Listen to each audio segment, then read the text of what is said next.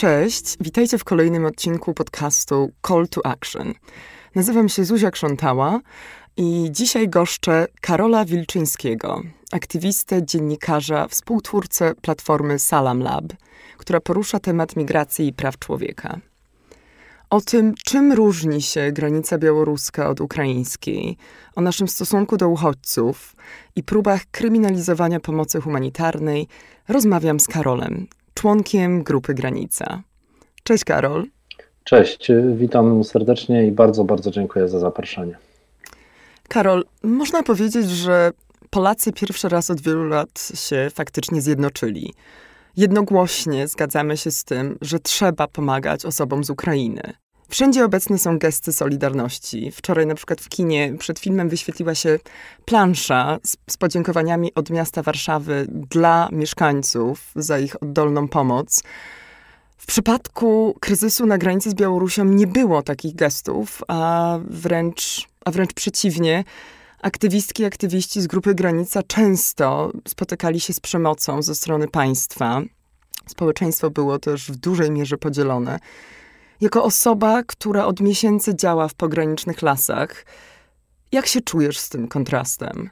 Nie zapominajmy o tym, że jednak e, było wiele osób, które w heroiczny sposób, e, i mam tu na myśli lokalnych mieszkańców i tych ludzi związanych e, czy z grupą Granica, czy z innymi organizacjami działającymi poza grupą Granica, które taką samą pomoc i to w profesjonalny sposób organizowały, pomimo no, tego, co robią nasze służby, pomimo przede wszystkim tego, co, co, co jakby nakazują robić im nasze władze.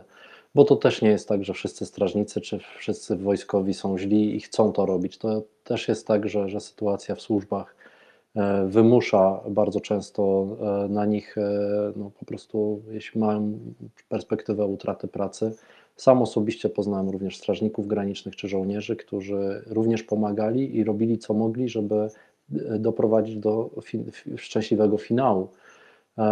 Także e, mimo wszystko to, jak Grupa Granica była zorganizowana, jeśli porównamy to z sytuacją na granicy litewsko-białoruskiej czy łotewsko-białoruskiej, gdzie również miała miejsce taka sytuacja, a gdzie praktycznie w ogóle nikt nie pomagał, to jakby zawsze staram się też widzieć tą, tą dobrą stronę medalu, tą drugą stronę medalu i tutaj e, nie zapominajmy o tym, że, że, że, że ta pomoc na Podlasiu też e, miała miejsce. Natomiast no, różnica wynika, tak mi się wydaje, no ja zajmuję się komunikacją, również komunikacją polityczną w takim sensie kampanii politycznych no i patrzę z tej perspektywy trochę, to znaczy całą winą raczej obarczałbym polityków, którzy y, patrząc na sytuację białoruską, nie wiem czy jeszcze pamiętacie, ale przecież to był czas, kiedy przyjechali do Polski Afgańczycy ewakuowani z Kabulu. Dokładnie wtedy też się zaczęła sytuacja w Usnarzu i wtedy ten kontrast był po prostu y, masakryczny. Z jednej strony mamy Afgańczyków witanych y, kwiatami, po prostu hotele pięciogwiazdkowe często po prostu super. Potem oczywiście te hotele się zamieniają w nieco gorsze ośrodki. E, mamy sytuacje, które też nie wiem, czy pamiętacie, właśnie te, te zjedzenie grzybów. No, y, były różne trudne sytuacje, ale one nie wynikały w żadnej mierze ze złej woli i mi się wydaje, że, że tam, tam ci ludzie zostali powitani jak trzeba, przynajmniej w jakimś zakresie. A no i obok mamy Afgańczyków, przecież w Usnarzu to byli Afgańczycy, którzy y, no, nie zostali wpuszczeni, zostali przegnani, zostali. Cała ta sytuacja została wykorzystana od samego początku y, do podgrzewania populistycznej narracji, mającej na celu odwrócenie uwagi od problemów rządu. Nie wiem, czy pamiętacie, to jest też czas, kiedy Gowin odchodzi z rządu, kiedy y, rząd właściwie staje się de facto mniejszościowy no i PiS ma ogromne problemy. I teraz Łukaszenka tak naprawdę e, dał im prezent do ręki. To znaczy, oni mogą odwrócić e, oczy Polaków od problemu pandemii, zapaści gospodarczej, inflacji itd., tak itd. Tak no i mają czym straszyć, tak? Mają te łącznie może 20 tysięcy osób, może 25, czyli w ogóle od sierpnia do dzisiaj mówimy o 25 tysiącach osób, czyli to jest liczba mniejsza niż dziennie przechodzi z Ukrainy do Polski. Nie? To mówimy o takiej sytuacji, żeby to jest porównanie tej skali. Więc tutaj mamy straszne zagrożenie. okropną, populistyczną narrację, która jest wykorzystywana do tego, żeby straszyć Polaków. No i niestety, no tak to działa, że jeśli wszystkie autorytety, a dla wielu ludzi jednak ktoś, kto pełni rolę prezydenta, czy ktoś, kto pełni rolę premiera, jest e, autorytetem, no i jeśli ludzie słyszą w telewizji przekaz, że to są terroryści, to są ludzie, którzy zagrażają naszej kulturze, naszemu kościołowi, naszemu porządkowi, naszemu pokojowi, że są tymi agentami Łukaszenki, który rzeczywiście jest, aktualnie jest zagrożeniem i Łukaszenka, zawsze powtarzam, jest naszym wspólnym wrogiem wszystkich, nie ci ludzie w lesie, no to oni zaczynają w to wierzyć i zaczynają szukać szeryfa. Szeryfem jest Kaczyński, Morawiecki, Kamiński, Błaszczak i te wszystkie typy, którzy skazują na śmierć i wygnanie w lesie e, no, bezbronnych ludzi. Tak, ale mówisz o takim upolitycznianiu właśnie kryzysu uchodźczego, ale y, jakby z drugiej strony teraz to, co się dzieje w związku właśnie z wojną, z, z wojną w Ukrainie, akurat y, bardzo się też przysłużyło naszej obecnej, obecnej władzy, bo zostały i też właśnie znormalizowane stosunki z Unią Europejską, ze Stanami Zjednoczonymi. Czyli, czyli w pewnym sensie teraz PiSowi opłaca się to, że mamy um, aż tylu uchodźców, uchodźców z Ukrainy. Um, też jak patrzymy na właśnie sondaże, ostatni, ostatni sondaż Okopres um, informował, że aż 90% Polaków ma ma pozytywny stosunek do uchodźców z Ukrainy, e, a nawet 61% zaangażowało się w akcje pomocowe. I, i jak ty to widzisz? Czy, czy ta właśnie solidarność jest tymczasowa, czy może sygnalizuje zmianę podejścia Polaków, większą tolerancję? Czy jednak nie bez powodu jest kwestia, że przed, że przed rosyjską agresją uciekają głównie kobiety, dzieci, osoby starsze, schorowane, no i także powiedzmy to sobie wprost, białe? Tak, no niestety kolor skóry tutaj odgrywa dość dużą rolę. Aczkolwiek ja też e, nie zgadzam się z taką tezą, że, że bo to się czasami pojawiało, że, że e, ludzie o niebiałym kolorze skóry są systemowo e, dyskryminowani. Takie sytuacje się zdarzają, natomiast e, tak jak rozmawiałem z osobami, bo wtedy rzeczywiście te pierwsze dwa tygodnie było o tym głośno i rzeczywiście wtedy ludzi, powiedzmy pochodzących z Afryki, z Azji czy z Ameryki Łacińskiej było całkiem sporo, czasami to było nawet połowa osób, które tak. korzystały z naszej pomocy. No więc ja jako dziennikarz podchodziłem do tych osób i po prostu pytałem. No, nie miałem innego sposobu badania, tak? Nikt nie prowadził takich badań mhm. na granicy. E, nie dało się tego inaczej zbadać. Miałem, nie wiem, próbkę około 200 osób, e, powiedzmy 50-60 grupek popytałem, takich kilkuosobowych. No i z tych 50 grupek tylko dwie wskazały mi, że rzeczywiście doświadczyły dyskryminacji. Jedna grupa z Afganistanu e, i to pan z dziećmi. On powiedział, że prawdopodobnie by go to spotkało, ale miał dzieci i ludzie się uspokoili, jak zobaczyli, że idzie z dziećmi. Natomiast te dwie pozostałe grupki to Palestyńczycy to byli studenci medycyny z Charkowa. Powiedzieli mi, że prawdopodobnie też na, na nich się taka złość uruchomiła, że to byli jedyni faceci w pociągu, ich wyrzucono mm. z pociągu pełnego matek i dzieci. No i oni byli oczywiście wkurzeni to, w jaki sposób to zrobiono, tam na nich krzyczano, ale też podkreślili, że prawdopodobnie no, to była jakaś taka złość ogólna i, i trudna sytuacja, która na nich spadła, no niestety. Nie chcę usprawiedliwiać aktów rasizmu, natomiast e, staram się zrozumieć, jakby co się wydarzyło. W żadnej z grup, w której były kobiety lub dzieci, nie potraktowano w taki sposób. Czyli jakby ta przemoc, e, powiedzmy o podłożu rasistowskim, czy dyskryminacja o podłożu rasistowskim dotykała przede wszystkim uciekających e, młodych mężczyzn. Więc no, ja zawsze staram się mówić, tak Salam Lab też działa, nie? że ten świat nie jest czarno-biały. To nie jest tak, że my, Ukraińcy, my Polacy jesteśmy tacy źli, po prostu wszyscy są rasistami no jest rasizm, tak, ale też są pewne przyczyny tego rasizmu, to jest podgrzewane politycznie i e, nie usprawiedliwiam tego, staram się zrozumieć przyczyny. E, najgorszej sytuacji moim zdaniem aktualnie są e, osoby pochodzenia romskiego, bo wydaje mi się, że te osoby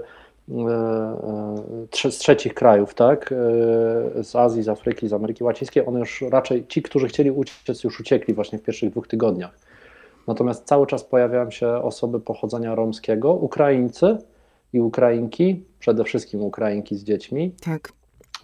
i one doświadczają dyskryminacji zarówno ze strony białych uchodźców, jak i ze strony Polaków, Polek, polskich urzędników. No, romska społeczność jest bardzo charakterystyczna, bardzo specyficzna, bardzo też zamknięta mhm. i e, no niestety te osoby bardzo często no, nie potrafią pisać i czytać, co na przykład w urzędzie m, mm, można powiedzieć, że to nie jest rasizm, tak, no bo um, urzędnik, z którym rozmawiałem, mówi, że przecież nie obsłużyłem tej pani nie dlatego, że jest Romką, tylko dlatego, że ona się nie umie podpisać ale z drugiej strony ja wyczuwam, że jednak to, że mhm. ona jest Romką też stanowi jakiś problem, że my nie chcemy udzielać tym osobom pomocy, że wolimy udzielić pomocy osobom, które są nam bliższe kulturowo, które mają ten sam kolor skóry, które, co do których nie mamy takich uprzedzeń, jak mamy do Romów, bo Romowie, jeśli chodzi o badania uprzedzeń w Polsce, no, są tak naprawdę najniżej razem z muzułmanami i Arabami, nie? jeśli chodzi o negatywny stosunek. I, i niestety te skojarzenia są tak samo, tak samo funkcjonują w Ukrainie. No i niestety te osoby są wykluczane, są spychane, no, dochodzi do różnych bardzo trudnych sytuacji. Stąd my jako Salon Lab zdecydowaliśmy się, e, żeby e, otworzyć hostel dla 120 osób w tym momencie e, romskiego pochodzenia, które mają po prostu swoje miejsce. Nie, jest, nie są to jakieś super warunki, ale no po prostu nikt e, nie doświadczają tam dyskryminacji, czują się bezpieczne. E, dzieciaki nie doświadczają żadnych form przemocy ze strony innych dzieci. E, nie jest to idealne rozwiązanie. Chciałbym, żeby te osoby się też integrowały, ale na razie krótkofalowo mm, no, będziemy ten hostel utrzymywać i zapewniać tym osobom mm, bezpieczeństwo. No tak, bo tam jest także problem, że to są mm, często duże grupy, które nie chcą się właśnie rozłączać e, i to jest absolutnie zrozumiałe. E, ja w takiej noclegowni małą, którą właśnie prowadzę e, w Warszawie, w centrum Warszawy, miałam ostatnio rodzinę romską, ośmioosobową. I, I te osoby nie chciały absolutnie wyjeżdżać z Polski, i, i bardzo ciężko było znaleźć jakieś miejsce, mm, które by mogło przyjąć te osoby długoterminowo, bo mm, właśnie proponowaliśmy im wyjazdy i do Francji, i do Hiszpanii, i do miejsc, gdzie wiem, że jakby czekałaby na nich kompleksowa pomoc, możliwość, możliwość zatrudnienia. A w Polsce wydaje mi się, że nie ma takich warunków. A mogę zapytać, jak długo te osoby u Was są i i czy szukacie jakichś takich rozwiązań długoterminowych, systemowych? E, jeśli pytasz o osoby romskie, to mamy na razie e, ten hostel na 6 tygodni. Mhm. W ciągu tych 6 tygodni chcemy otworzyć szkołę dla tych dzieci, bo te dzieci prawdopodobnie nie zostaną przyjęte w szkołach polskich.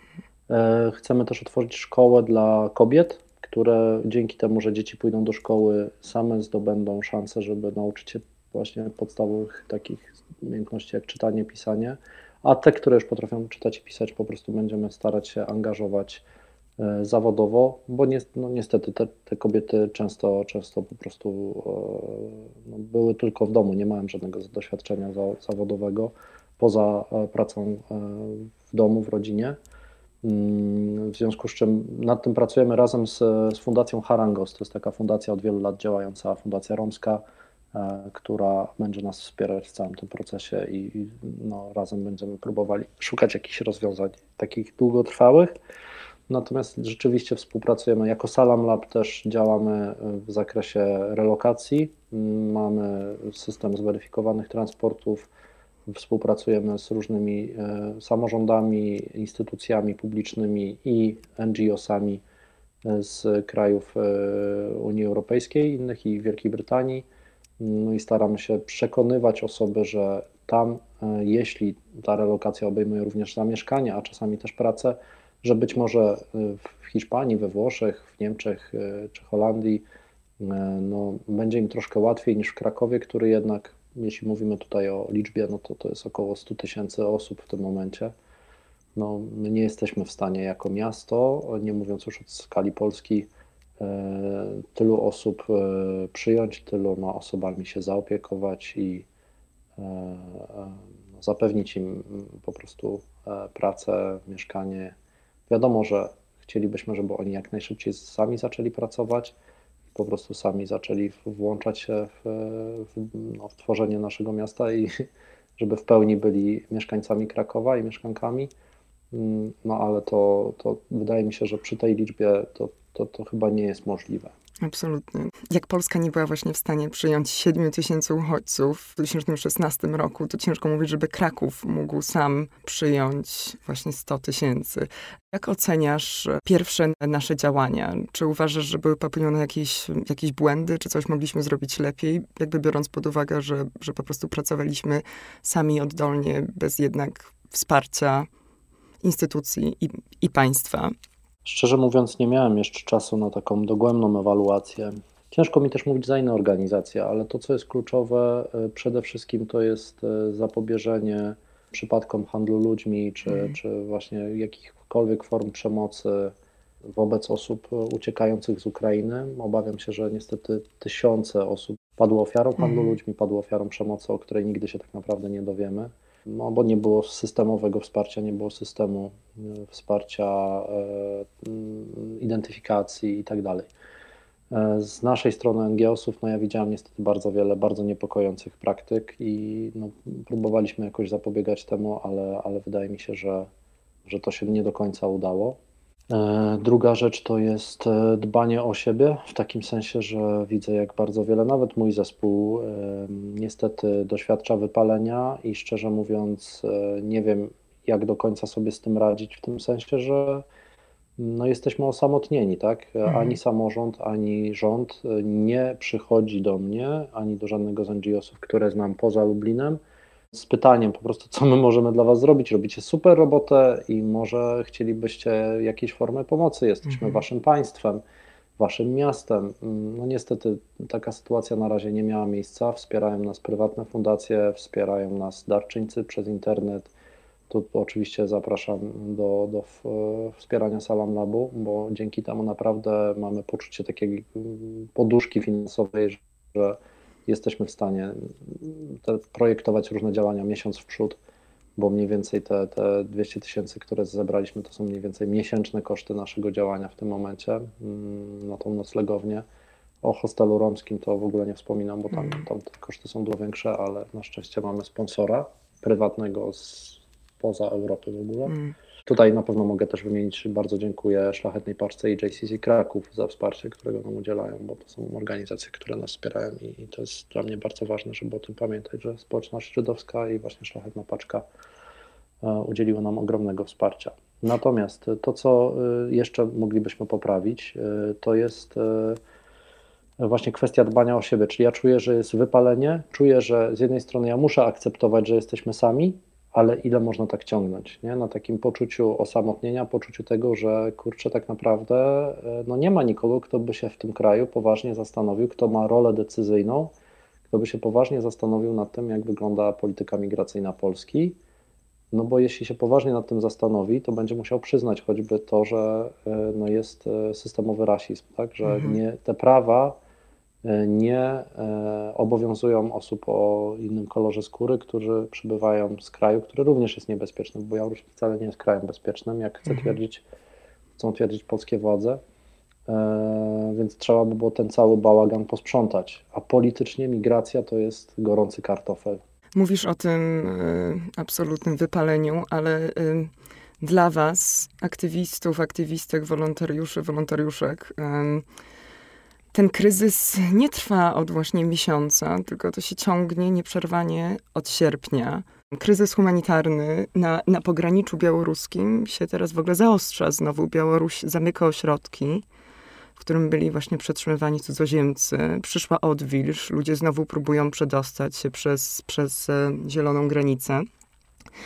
A polscy funkcjonariusze wciąż wywożą do lasu niemowlęta, małe dzieci, kobiety w ciąży, osoby, osoby z niepełnosprawnościami w ciężkim stanie medycznym, narażając ich na przemoc, tortury, no a nawet śmierć. Czego nauczyły cię te ostatnie, ostatnie 7 miesięcy? Co my możemy teraz zrobić, żeby ten kryzys nie zniknął jednak z pola widzenia?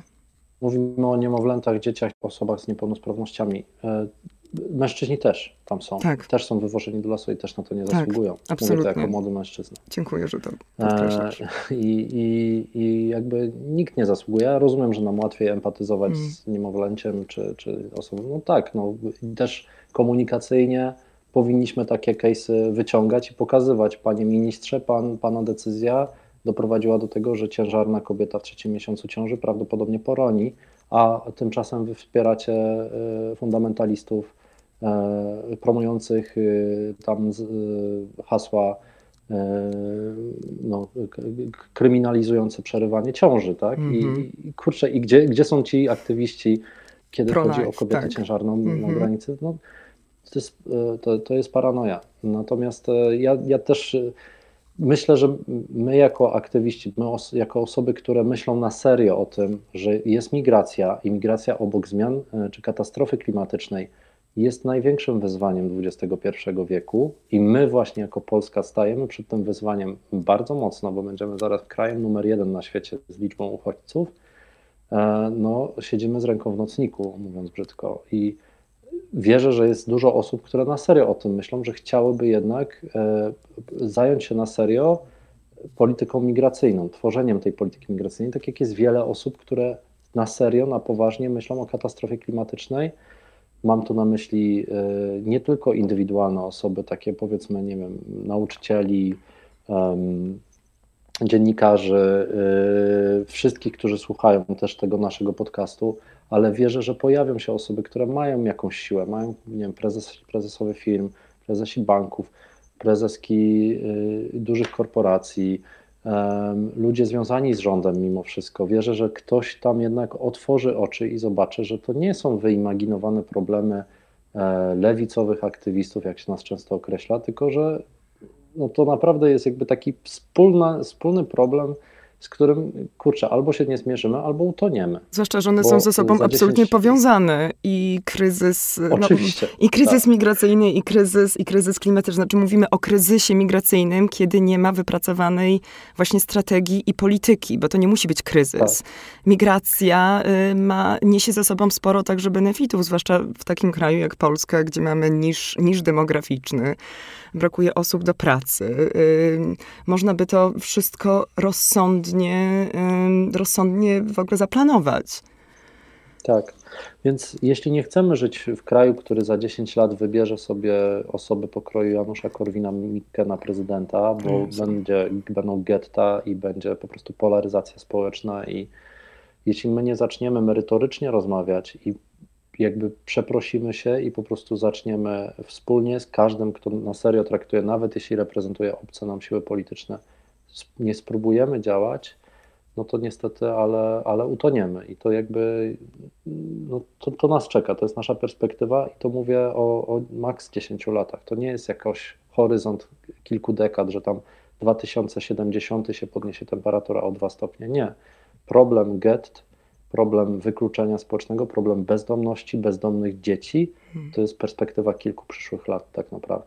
A wróćmy jeszcze na chwilę na, y, na naszą granicę właśnie polsko, polsko-białoruską. Kolejni aktywiści, wolontariusze są zatrzymywani, y, oskarżeni o niesienie, o niesienie pomocy najbardziej potrzebującym. E, wy jako, wy jako grupa Granica powtarzacie jak mantrę hasło pomaganie jest legalne. Czemu uważasz, że Polska, e, w tym przypadku akurat funkcjonariusze Straży Granicznej, próbują kryminalizować pomoc humanitarną? Skąd ten rozdźwięk między właśnie niesieniem pomocy na ukraińskiej, a na, a na białoruskiej granicy? Rząd mógłby załatwić sprawę po cichu, zgarniać ludzi z lasu, zawozić tak. ich do ośrodków Mamy 17 tysięcy miejsc w takich typowych ośrodkach dla cudzoziemców, przygotowanych zresztą w 2014 roku e, przy okazji e, inwazji Rosji na, e, na Ukrainę i na Krym. I te 17 tysięcy miejsc spokojnie by wystarczyło do tego, żeby mhm. przeprocesować wnioski azylowe tych osób, część z nich deportować, tak. podejrzewam, że nad 90%, a część tych, którzy rzeczywiście są uchodźcami, rzeczywiście uciekają przed realnym prześladowaniem politycznym, wojną, katastrofą e, naturalną, bo są też tam takie osoby. Pamiętajmy, jakby ja nie mówię o tym, że te 25 tysięcy osób, które przekracza granicę z Białorusią, to, to są uchodźcy. Nie, no to są mhm.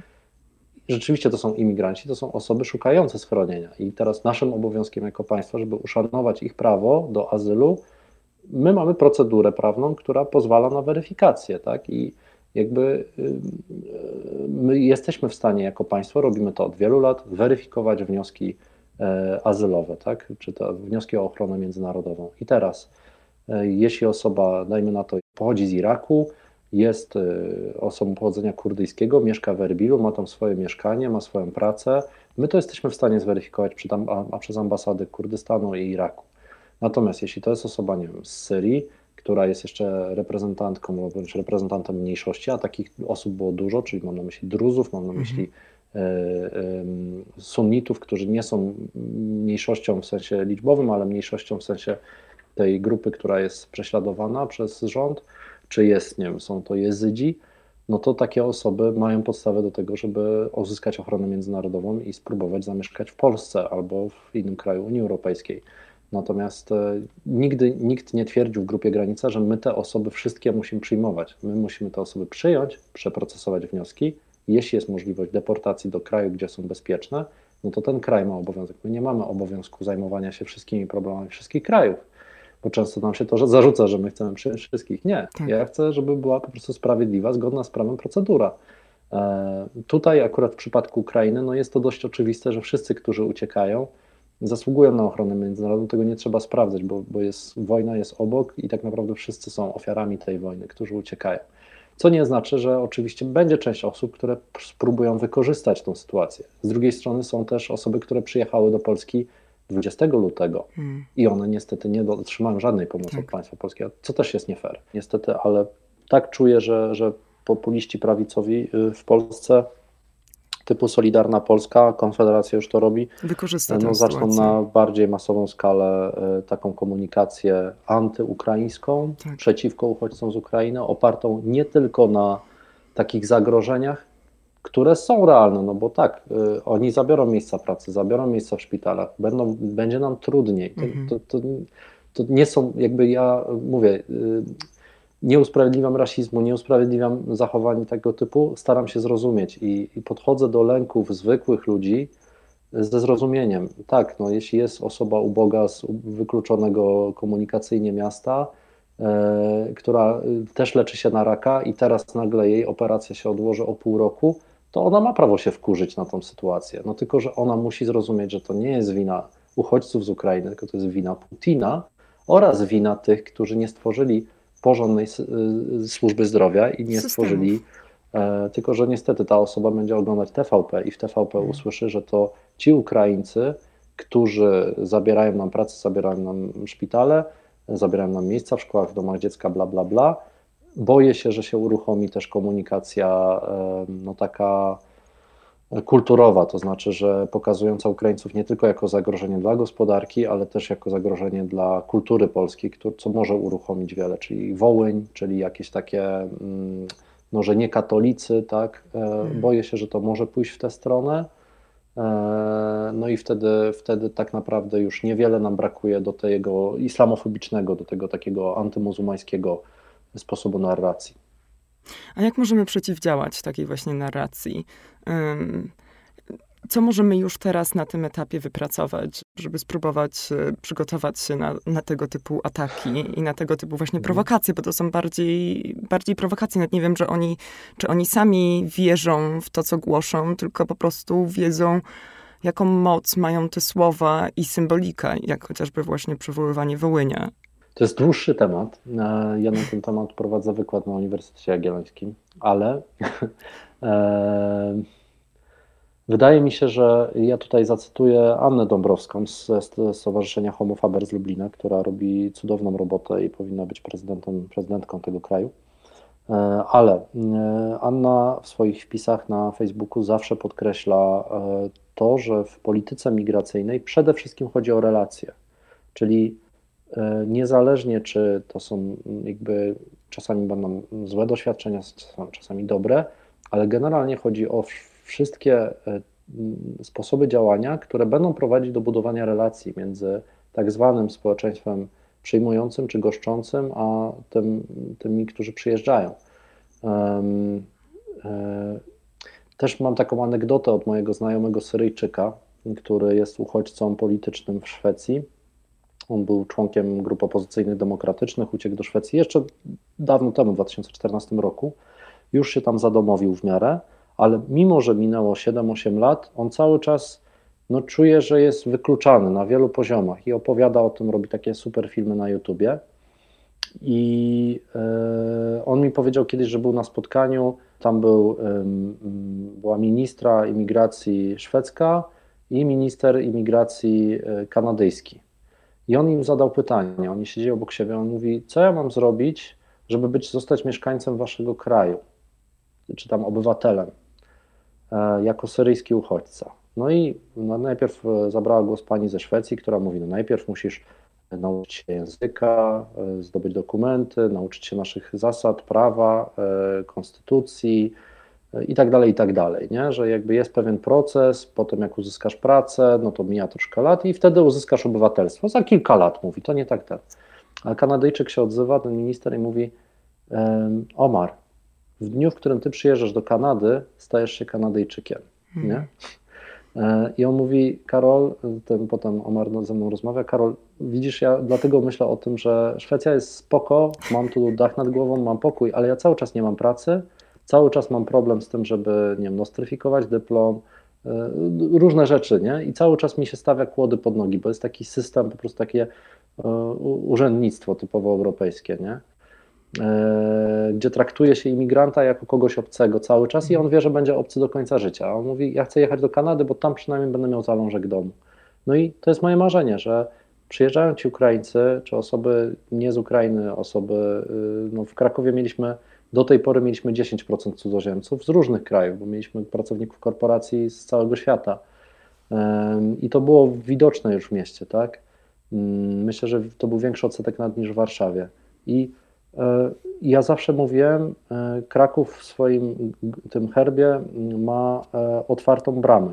Nie? Jak zobaczycie godło Krakowa czy herb Krakowa, to tam jest otwarta brama. Ja mówię, to musi być miasto z otwartą bramą. Wchodzisz do miasta i jeśli decydujesz się w nim zamieszkać, to jesteś już mieszkanką lub mieszkańcem. I, I, chciałbym, żebyśmy tak traktowali tych ludzi. To znaczy, jeśli oni podejmują decyzję, że tak, tutaj zostaję, tutaj posyłam dzieci do szkoły, tutaj chcę pracować, tutaj chcę żyć, no to, to żyj, nie? To, to my Ci tutaj pomożemy. Zrobimy wszystko, żeby, żebyś czuł, czuła się dobrze. I to samo dotyczy wszystkich innych mieszkańców Krakowa. Tutaj nie trzeba różnicować. Właśnie chodzi o to, żeby budować relacje między tymi starymi i nowymi mieszkańcami. To są starzy krakowianie, nowi krakowianie. I oni wszyscy mają prawo do tego, co to miasto oferuje i co to państwo oferuje. Ja nie widzę problemu, e, żeby tak to funkcjonowało. I dlatego właśnie nazwaliście wasz punkt, y, punkt pomocy w Krakowie przy ulicy Radziwiłowskiej 3 Żyj w Krakowie, tak? To jest y, Dokładnie tak. Wasza odpowiedź trochę na, na Kanadę jako e, ulubiony kraj, kraj świata. Zresztą, zresztą Kanada ma także wielką ukraińską diasporę i myślę, że zaraz zacznie się szybszy właśnie proces wizowy i też wiele osób będzie mogło tam znaleźć schronienie i pomoc systemową. E, ale Karol, powiedz coś więcej o tym waszym punkcie. Jak teraz wygląda system pracy po, po sześciu mhm. tygodniach od wojny? No już od dwóch, tygodnia, dwóch tygodni myślę działamy na takiej zasadzie, żeby się nie wypalać. Staramy się dbać o siebie, staramy się tak, żeby ludzie, którzy przychodzą, pracowali maks 8 godzin dziennie, e, co nie wychodzi czasami mm. oczywiście. Mm, natomiast na szczęście sytuacja się też uspokoja, to znaczy liczba osób, które docierają do Krakowa jest zdecydowanie mniejsza niż w pierwszych tygodniach. Stąd mamy taki moment oddechu. No z drugiej strony jesteśmy już zmęczeni, bardzo wiele wolontariuszy już nie przychodzi. E, po prostu mieli ten okres takiego e, no, poruszenia motywacji, a e, teraz już, już, już tak nie ma dużo osób. I z drugiej strony my też mamy taką politykę, że raczej zapraszamy osoby, które są w stanie regularnie przychodzić na więcej niż 4-5 godzin, przynajmniej mm -hmm. to jest takie minimum, przynajmniej raz w tygodniu. No i nie wszystkim to też pasuje. E, no i generalnie zatrudniamy ludzi, mamy bardzo duże potrzeby finansowe. Jeśli mamy działać tak, jak działamy, a czujemy, że to działanie jest potrzebne ze względu na brak działania e, systemowego ze strony władz, e, no to niestety no, kwoty, które są potrzebne do, do prowadzenia tych działań, typu hostel dla Romów, czy to, to miejsce na, na, na Żyj w Krakowie, ten punkt pomocy, no, przekraczają możliwości bym powiedział, społeczeństwa obywatelskiego, w tym sensie, że no nie jesteśmy w stanie mm, e, pokryć tych wszystkich kosztów z naszych, nie wiem, zbiorek crowdfundingowych, tak, i jakichś takich grantów, tak. które są udzielane, tylko szukamy właśnie dużych sponsorów prywatnych, firmy, które, które są w stanie dać większe sumy. Ktoś ze słuchaczy zna takie firmy, to, to bardzo proszę o kontakt. Tak, apelujemy, każdy może, może wpłacić pieniądze na, na, na zbiórkę Salam Lab na rzecz Ukraińców, Ukrainek, ale e, tak jak mówisz, to już nie jest czas e, na 5 zł, 10 zł, 50 zł. Potrzebujemy chyba większych kwot i stałych, e, stałych wpłat. Znaczy bez dużej pomocy systemowej, gdzie mówimy raczej o setkach tysięcy złotych, a nie dziesiątkach, no, no ta, ta, pomoc, ta pomoc po prostu się nie uda. To i tak jest cud. My mamy w swojej bazie y, ponad 3000 mieszkań, w których mamy zweryfikowane mieszkania, do których trafiły osoby, które trafiły wcześniej do nas. Czyli jeśli pomnożymy to razy 4, 5, no to łatwo policzyć, że udało nam się ulokować dzięki ofiarności y, właśnie tych starych krakowian. Nowi krakowianie znaleźli dach nad głową, ale no, no nie da się trzymać w prywatnym mieszkaniu i gościć kogoś przez miesiąc, no nie, to, to super, że to się udało na ten pierwszy rzut, te dwa, trzy, cztery tygodnie, no ale widzimy, że no te zasoby mieszkaniowe prywatnych osób już, już się kończą i ja całkowicie to rozumiem, bo, bo ile można po prostu mieszkać z kimś, e, jak masz dwupokojowe mieszkanie, no nie, na przykład. No tak. I, i dzielić tę przestrzeń, no, no, no niestety, ale nie da się. Karol, dziękuję Ci bardzo za niesamowitą robotę, którą wy robicie. Mam to szczęście, że jutro jadę do Krakowa, więc będę mogła Was odwiedzić i zobaczyć, jak to wygląda w praktyce. E, więc mówię do zobaczenia. Super. Bardzo się cieszę, że się zobaczymy i bardzo dziękuję za zaproszenie.